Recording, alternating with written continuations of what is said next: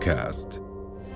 موجز الأخبار من رؤيا بودكاست. بعد نقاشات موسعة أقر مجلس النواب مشروع تعديل قانون التنفيذ الذي يقضي بمنع حبس المدين مع إدخال عدد من التعديلات على الصيغة الواردة من الحكومة. مجلس النواب أقر عدم حبس المدين إذا قل مجموع الدين المنفذ أو المحكوم به عن خمسة ألاف دينار شريطة ألا يكون بدل إيجار أو حقوقا عمالية. كما أقر المجلس عدم حبس المدين إذا عجز عن الوفاء بالالتزام بتعاقده باستثناء عقود الإيجار وعقود العمل.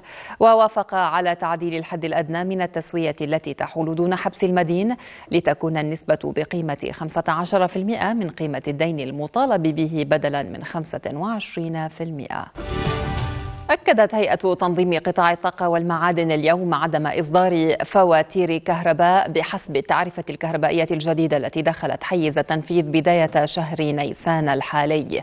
الهيئة قالت إنه سيتم إصدار فواتير الكهرباء بحسب شرائح التعرفة الجديدة في الأول من أيار المقبل. جاء ذلك بعد شكاوى عدد من المواطنين من ارتفاع قيمة فواتير الكهرباء المستلمة في شهر نيسان الحالي مقارنة بالأشهر السابقة رغم رغم عدم تغير أنماط استهلاكهم.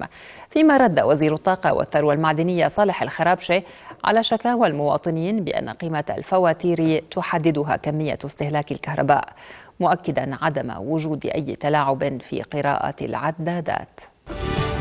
سجلت إيرادات الحكومة من الضرائب في أول شهرين من العام الحالي ارتفاعا بنسبة 6% لتبلغ نحو 970 مليون دينار مقابل ذات الفترة من العام الماضي.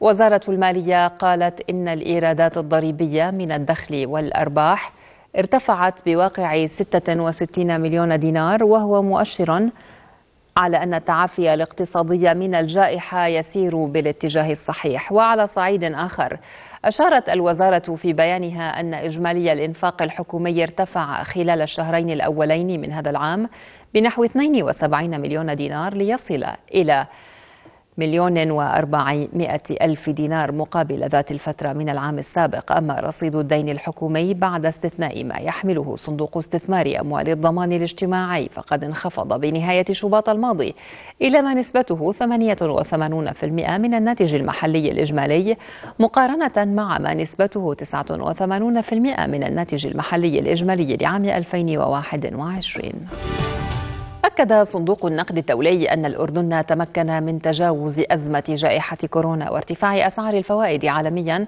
بالإضافة إلى أزمة الحرب الروسية الأوكرانية وتداعياتها على أسعار المواد الغذائية.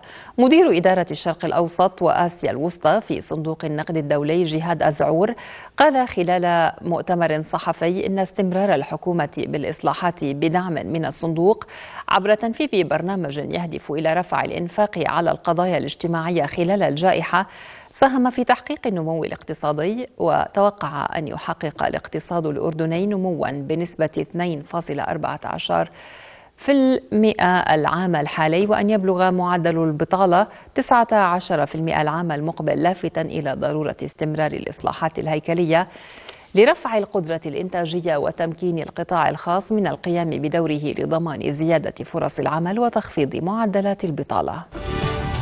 أغلقت فرق الرقابة والتفتيش التابعة للمؤسسة العامة للغذاء والدواء ست منشآت غذائية مخالفة لوجود سلبيات حرجة فيما أوقفت 94 منشأة خلال الأسبوع الثالث من شهر رمضان المبارك.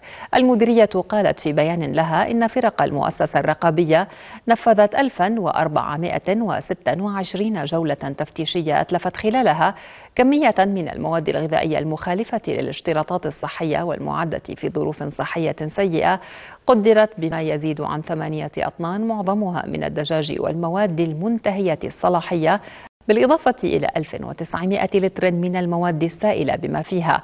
عصائر رمضانية وألبان بما أنذرت المديرية 763 منشأة لتصويب أوضاعها.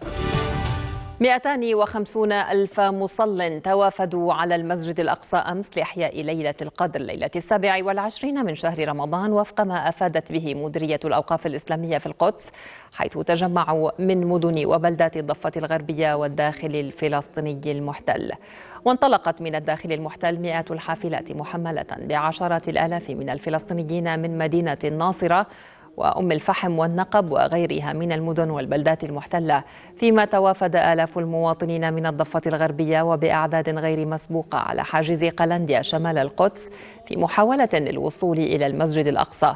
مديرية الأوقاف بدورها أوضحت أن الإجراءات الإسرائيلية قد تسببت في التضييق على المواطنين والفلسطينيين بأزمة كبيرة على الحواجز خاصة قلنديا شمالي القدس المحتلة وحاجز بيت لحم وهو ما حال دون وصول أعداد كبيرة من المواطنين القدس.